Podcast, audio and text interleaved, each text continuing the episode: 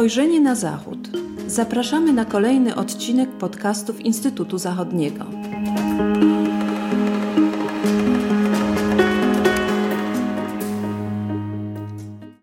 Dzień dobry, z tej strony Patrycja Teper. Witam Państwa w kolejnym odcinku podcastów Instytutu Zachodniego. E, w ostatnich tygodniach mogliśmy obserwować zbliżenie w relacjach Niemcy-Ukrainy lub, e, jak to woli, normalizację w stosunkach dyplomatycznych. E, to dlatego, że pojawiły się nowe impulsy, czyli długo oczekiwana wizyta prezydenta Niemiec Steinmeiera w Ukrainie, która odbyła się 25 października, oraz odbywające się w Berlinie w tym samym czasie praktycznie niemiecko-ukraińskie forum biznesu z udziałem kanclerza Niemiec i premiera Ukrainy. E, w związku z tą konferencją przedstawiciele niemieckiego biznesu zrzeszeni w Ostausschuss, czyli Komisji Wschodniej Gospodarki Niemieckiej, przedstawili e, swoją ofertę wsparcia odbudowy Ukrainy. E, I to właśnie na temat tych dwóch wydarzeń i ich znaczenia porozmawiamy dziś z analitykiem Instytutu Zachodniego Wiktorem Sawinokiem. Dzień dobry, Wiktorze.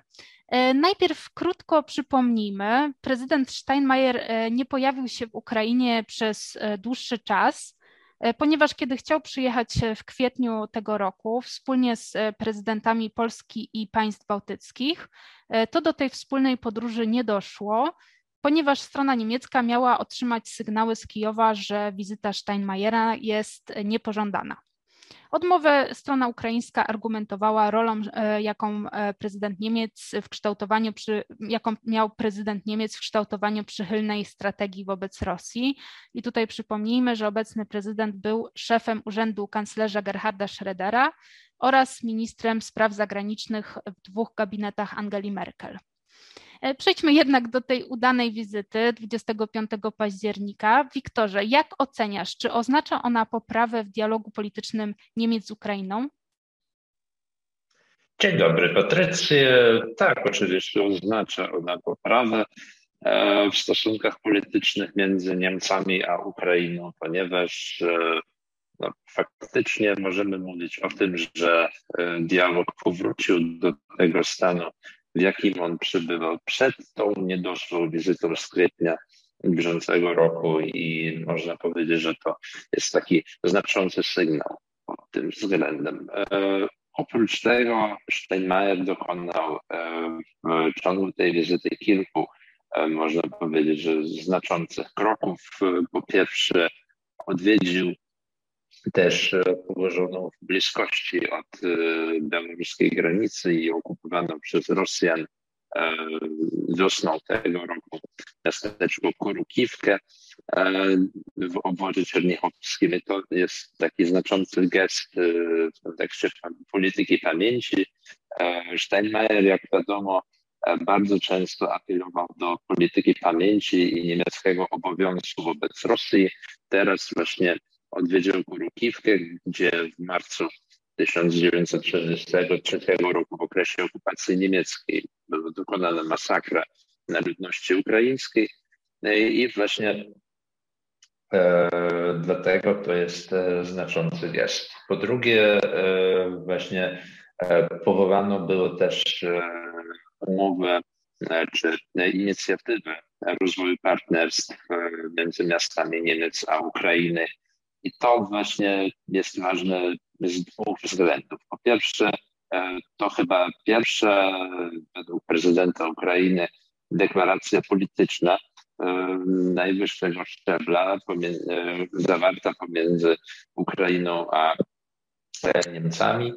Po drugie, to też jest symboliczny krok z punktu widzenia no, takiej socjaldemokratycznej wizji polityki zagranicznej, ponieważ zawsze ona też e, nadawała e, ważne znaczenie e, kontaktu międzyludzkim. I właśnie dlatego ta inicjatywa miast partnerskich jest w chwili obecnej znacząca. Z jednej strony Oczywiście trochę brakowało w tej wizycie konkretów dotyczących dotyczących dostaw broni do Ukrainy, co jest oczywiście bardzo ważnym tematem z punktu widzenia przetrwania państwa ukraińskiego. A z innej strony też brakowało odniesienia się Steinmeiera do własnego doświadczenia polityki wschodniej. No właśnie, to chyba było e, spore rozczarowanie dla strony ukraińskiej, że Steinmeier mm, nie odniósł, nie odniósł się do tej wcześniej, e, wcześniejszej swojej e, polityki chybionej wobec Rosji. No ale tak jak wspomniałeś, na plus należy ocenić inicjatywę sieci miast partnerskich, a z drugiej strony brak nowych deklaracji, jeżeli, jeżeli chodzi o dostawy broni, to również w pewnym, w pewnym sensie było rozczarowanie.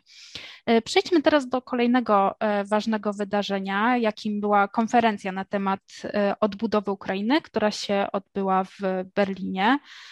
Tą odbudowę zdecydowano się rozpocząć jak najszybciej. Tutaj nie będziemy czekali na koniec wojny, tylko zaczynamy już planować, już myśleć e, w tym kierunku, że, e, że, że kraj trzeba odbudować. E, Wiktorze, jak oceniasz, dlaczego Berlin się w to w ogóle angażuje? Z kilku powodów.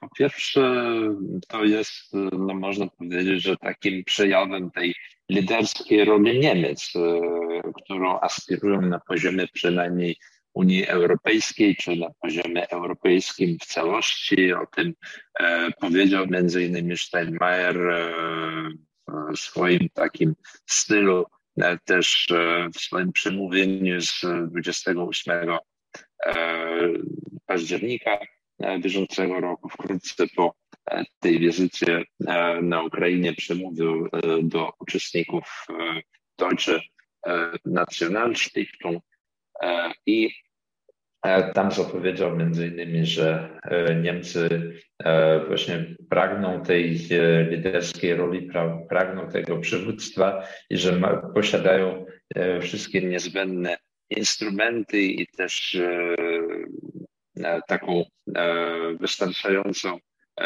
potęgę gospodarczą i też polityczną. I myślę, że ta inicjatywa, ona akurat pasuje w ten pryzmat.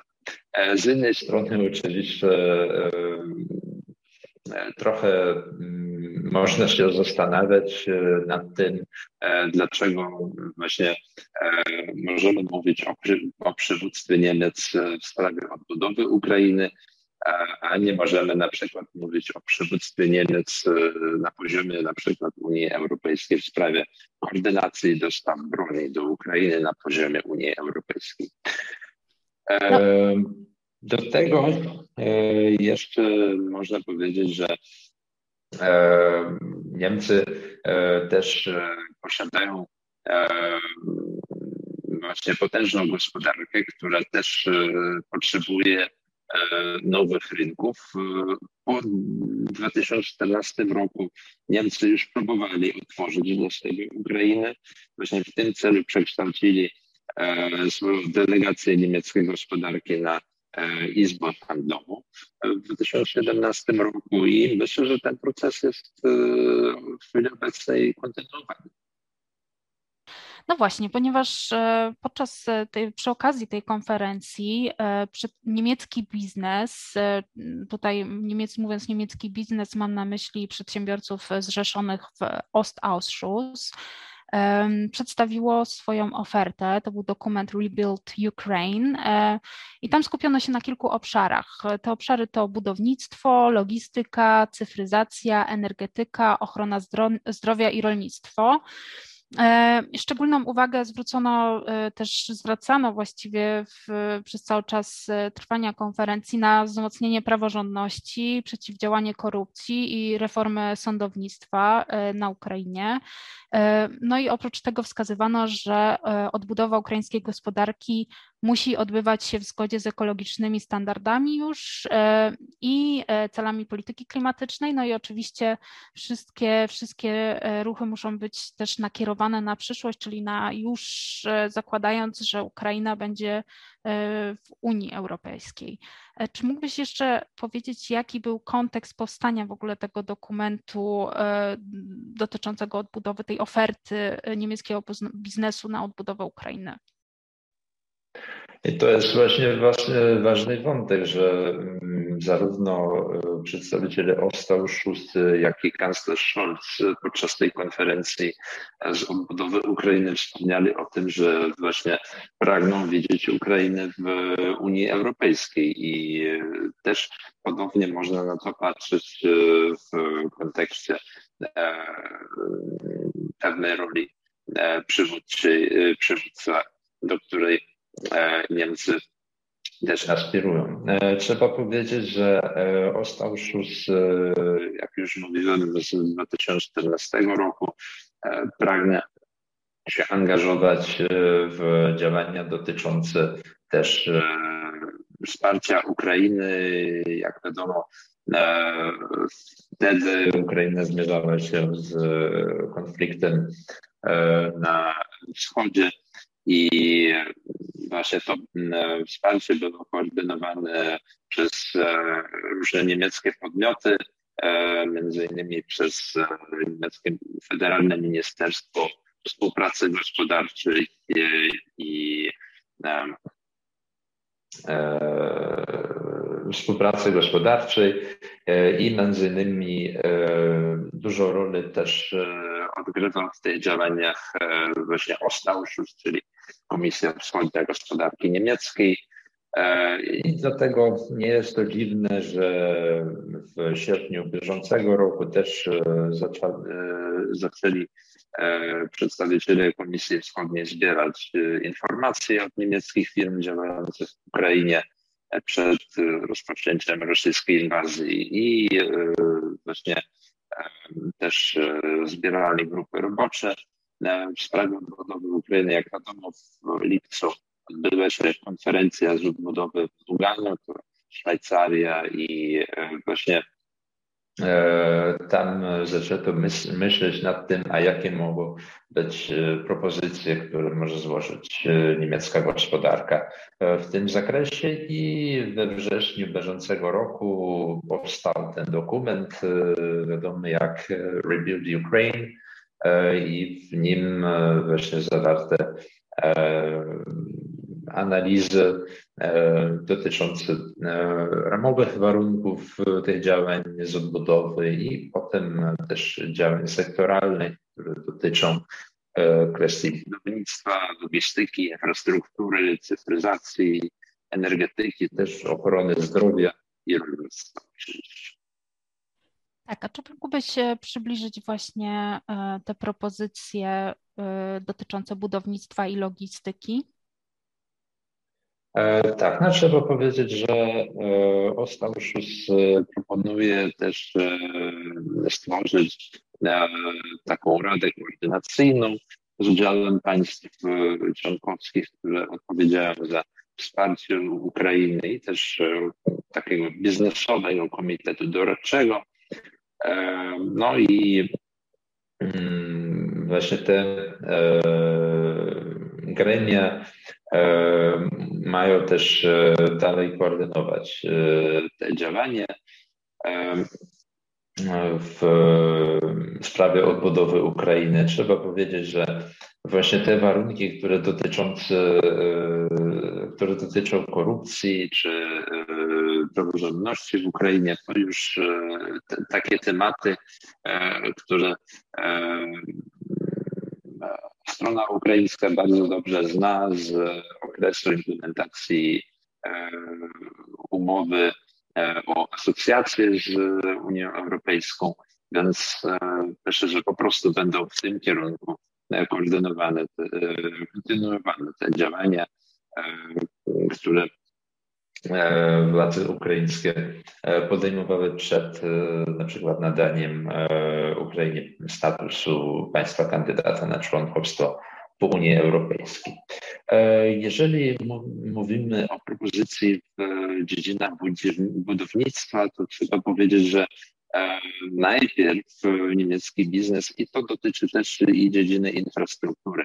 Niemiecki biznes skupia się w chwili obecnej na tym, co jest potrzebne w niniejszym momencie, czyli na awaryjnych naprawach lub albo uszkodzonych przez działania wojennych budynków, obiektów infrastruktury i tak dalej, albo też innych obiektów, które mają ważne znaczenie.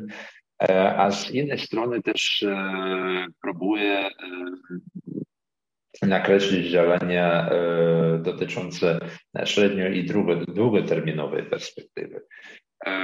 Zapowiadano na przykład też przekazanie know-how i technologii, ale to jest też działania dotyczące długoterminowej perspektywy chyba.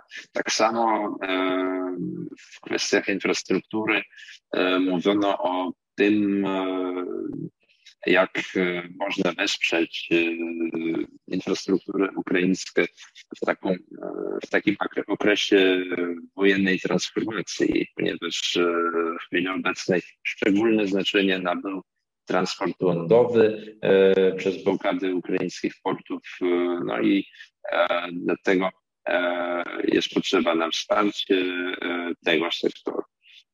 No i oczywiście na długo i średnioterminową perspektywę też zawarte są propozycje na przykład rozwoju terminałów, terminałów ładunkowych oraz infrastruktury do przeładunku kontenerów w pobliżu zachodniej granicy Ukrainy. I tak samo mówi się o modernizacji infrastruktury kolejowej, między innymi o budowy o budowie trasy kolejowej europejskiej szerokości torów pomiędzy Lwowem, Kijowem, a Odessą i właśnie zachodnią granicą Ukrainy. Hmm. E, tak, ja też zauważyłam w tych e, propozycjach e, niemieckiego biznesu Wiadomo, że to jest, no, propozycja stworzona w bardzo specyficznym kontekście, w którym też ta infrastruktura fizyczna, ona na razie jakby nie ma mowy o, o jej rozwijaniu, to jest bardziej od, chęć zachowania oczywiście funkcjonowania państwa. I tutaj w tym, w, tej, w tym obszarze oczywiście trzeba odbudowywać infrastrukturę, natomiast e, patrząc na na, na przykład e, ofertę Ostausschuss, jeżeli chodzi o cyfryzację, to tutaj nacisk jest kładziony przede wszystkim na zapewnienie cyberbezpieczeństwa Ukrainie. E, też ważne jest, żeby rozwijać e, platformy, poprzez które w ogóle będzie można zarejestrować stan infrastruktury, co jest konieczne e, przy planowaniu w ogóle odbudowy. Też mówi się o dostosowaniu ustawodawstwa już do standardów europejskich i e, o tym, co, o czym może czasami zapominamy, a co jest też bardzo ważne dla obywateli e, ukraińskich, którzy no, z różnych e, no, ze względu na wojnę nie mogą znajdować się na terenie Ukrainy, że oni też muszą mieć dostęp do usług administracyjnych, wobec, wobec czego należy rozwijać tą e-administrację, dlatego właśnie, żeby mieszkańcy, obywatele Ukrainy mieli dostęp e, do różnych usług administracyjnych. Ale jeżeli chodzi o infrastrukturę fizyczną, no to tutaj na razie ze względu na sytuację wojenną musi, e, musi jej rozwój podlegać poważnym ograniczeniom. Jeżeli chodzi natomiast o propozycje z zakresu energetyki, E, to obecne plany koncentrują się na decentralizacji i większej elastyczności sieci energetycznych przy zastosowaniu nowoczesnych technologii i też podłączenia do rynku energii e, elektrycznej w Unii Europejskiej. E, I w tym dokumencie sporo uwagi poświęcono partnerstwu energetycznemu i możliwości eksportu energii elektrycznej dzięki połączeniom międzysystemowym. I te systemy już powinny być budowane właśnie z myślą o przyszłości, czyli e, produkować energię niskoemisyjną, po to też, żeby móc przyciągać inwestycje zagraniczne i zagraniczny kapitał w przyszłości. E, istotna jest budowa systemów opartych na energii odnawialnej i redukowanie emisji CO2 już też zgodnie z wymogami Unii e, Europejskiej. I tutaj mówi się też e, zarówno w tym kontekście o użytku wewnętrznym na potrzeby Ukrainy, ale też zewnętrznym. I tutaj ważną takim, ważną kwestią jest produkcja zielonego wodoru. E, Niemcy też bardzo, bardzo liczą na taką strategię wodorową i współpracę, współpracę jeżeli chodzi o, o wodorową, wodorową, jeżeli chodzi o Ukrainę i Niemcy. E, I tutaj to, co oferują niemieckie firmy, to jest oprócz nowoczesnego sprzętu też know-how. Natomiast jeżeli chodzi o opiekę zdrowotną, bo tutaj też w obszarze opieki zdrowotnej i chęci jej reformy pojawiają się oczywiście propozycje w tym dokumencie, to tutaj też Niemcy proponują stworzenie takiego konsorcjum, które by skupiało partnerów e, zarówno po stronie niemieckiej, jak i ukraińskiej, który byłby takim jednym miejscem, do którego e, partnerzy mogą się zgłaszać i tam szukać i tam szukać partnera na przykład z Niemiec do realizacji różnych projektów. To, co rekomenduje Ostausschuss, to budowa szpitali uniwersyteckich e, na wzór niemiecki na Ukrainie i e, propozycja niemieckiego biznesu jest taka, żeby wspomóc Ukrainę w wdrażaniu nowoczesnych e, systemów informatycznych chociażby. Tutaj wymieniana jest elektroniczna kartoteka pacjentów, ale też tworzenie oprogramowania dla sektora opieki zdrowotnej i migrację tego oprogramowania. Mm, też Ostausschuss proponuje tutaj wdrażanie rozwiązań e, z zakresu telemedycyny dla psychologicznego wsparcia Ukraińców. E, I tutaj jeszcze jest e, oferta niemieckiego biznesu, jeżeli chodzi o rolnictwo. Ona wydaje mi się dosyć ogólna. Ostausschuss oferuje tutaj w, poprzez firmy, które są zrzeszone oczywiście w tej, w tej organizacji, wyposażenie Ukrainy w nowoczesne technologie rolnicze e, i też tutaj promowanie nowoczesnego gospodarowania gruntami, sprzyjającego zwiększeniu produkcji i też promowanie atrakcyjności pracy i mieszkania na wsi. E, tutaj Ostausschuss szczególnie też zauważa w tym, w, zakry, w tym sektorze rolnictwa problemy z korupcją i biurokracją. I ja takie mam wrażenie, że właściwie większość oferty niemieckiego biznesu i Ostausschuss jest właściwie stworzona w takim kierunku takich e, usług wysokomarżowych, to znaczy mam wrażenie, że tutaj jednak ostrożnie, e, ostrożnie niemiecki biznes podchodzi do inwestycji, które mogłyby być ryzykowne ze względu chociażby na takie materiałową, materiałowo straty na przykład sprzętu, który będzie, albo jakieś inwestycji, które zostaną w jakiś sposób zniszczone, więc w większości ja mam wrażenie, że tutaj są oferowane jakieś partnerstwa, przekazywanie know-how, też struktury, budowanie takich struktur dla współpracy. Mm, jest trochę konkretów, ale chyba nie ma ich aż tak, aż tak dużo, jakbyśmy mogli e, przewidywać. Wiktorze, tak podsumowując ten plan, jakie są jego zalety i wady Twoim zdaniem?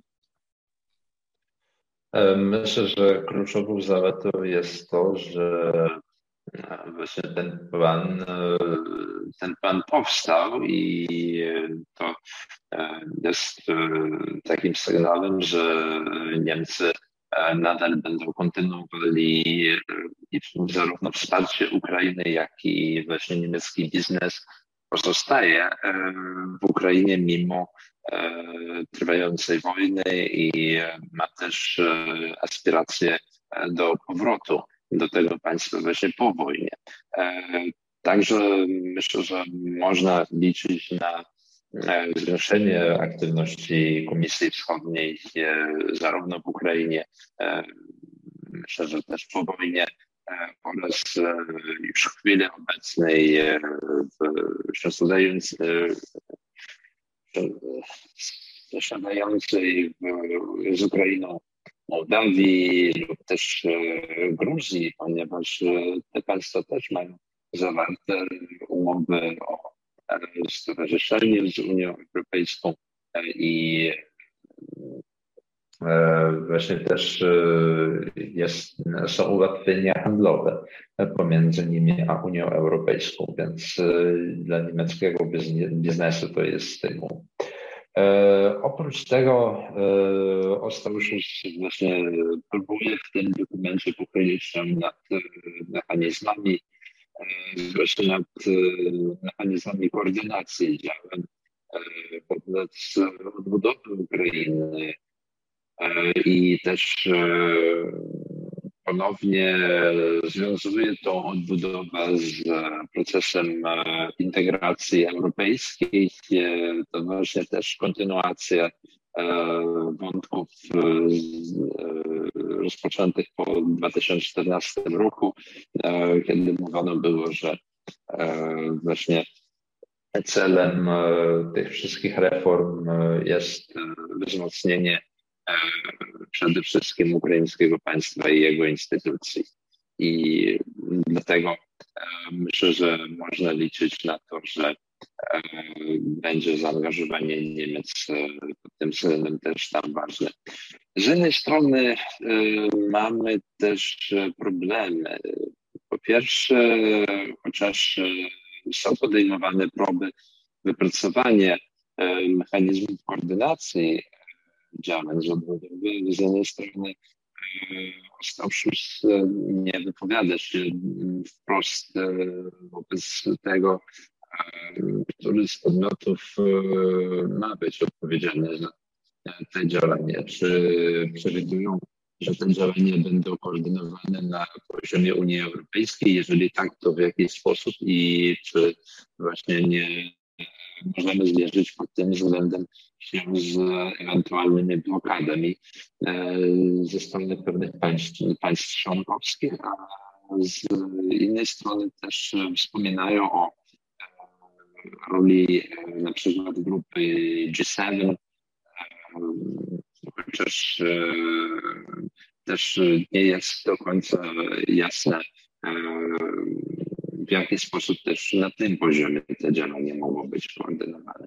Tak samo e, nie ma e, w tym dokumencie też e, jakichś ocen dotyczących strat Ukrainy spowodowanych agresją.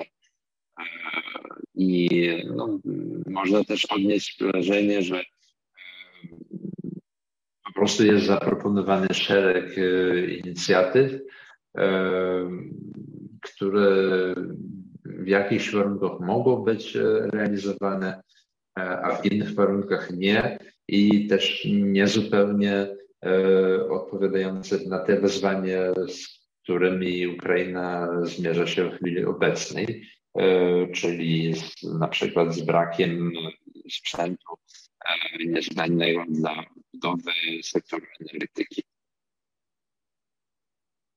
Tak, ja jeszcze tutaj e, chciałabym dodać ze swojej strony, że, e, że ta oferta niemieckiego biznesu to nie, jest, e, to nie jest oferta oczywiście charytatywna, więc też e, problemem może być dokładnie znalezienie, znalezienie środków na jej zrealizowanie. Tutaj też przewodniczący Ostausschuss, czyli Komisji Wschodniej Gospodarki Niemieckiej podkreślał, że to, to jest taka mm, propozycja strukturalna E, a nie, a nie e, charytatywna, że tak powiem. Na to, na to muszą się dopiero środki znaleźć. Też nie należy zapominać, że Ostausschuss, czyli ta Komisja Wschodnia niemieckiej gospodarki niemieckiej, to jest w ogóle organizacja pozarządowa, można powiedzieć, zrzeszająca przedsiębiorców działających w takim szeroko rozumianym wschodzie ona była też zawsze mocno prorosyjska, to znaczy bardzo w, ostatni, w ostatnich miesiącach e, właściwie i od aneksji, od czasu aneksji Krymu i krótko przed inwazją pełnowymiarową Rosji na Ukrainie, E, cały czas pojawiały się na stronie Ausschuss e, oświadczenia, w których e, wzywano do zniesienia sankcji, mówiąc, że one nie działają i też wierzono w ten Wandel durch Handel, czyli zmiany przez te właśnie powiązania gospodarcze. No, wydaje się, że tutaj ta organizacja trochę za bardzo prorosyjsko się pozycjonowała w ostatnich nawet latach. Też wzywano do uruchomienia projektu Nord Stream 2, także to też jest w jakimś stopniu reputacja tej organizacji może być w jakimś stopniu ryzykiem, chociaż nie wiem, czy, czy będzie, będzie to odgrywało faktycznie taką dużą rolę, jakby się mogło wydawać. E, Wiktorze, bardzo dziękuję Tobie za rozmowę. Państwu dziękuję za uwagę i zapraszam również do słuchania kolejnych odcinków podcastów Instytutu Zachodniego. Dziękuję, Wiktorze. Dziękuję bardzo.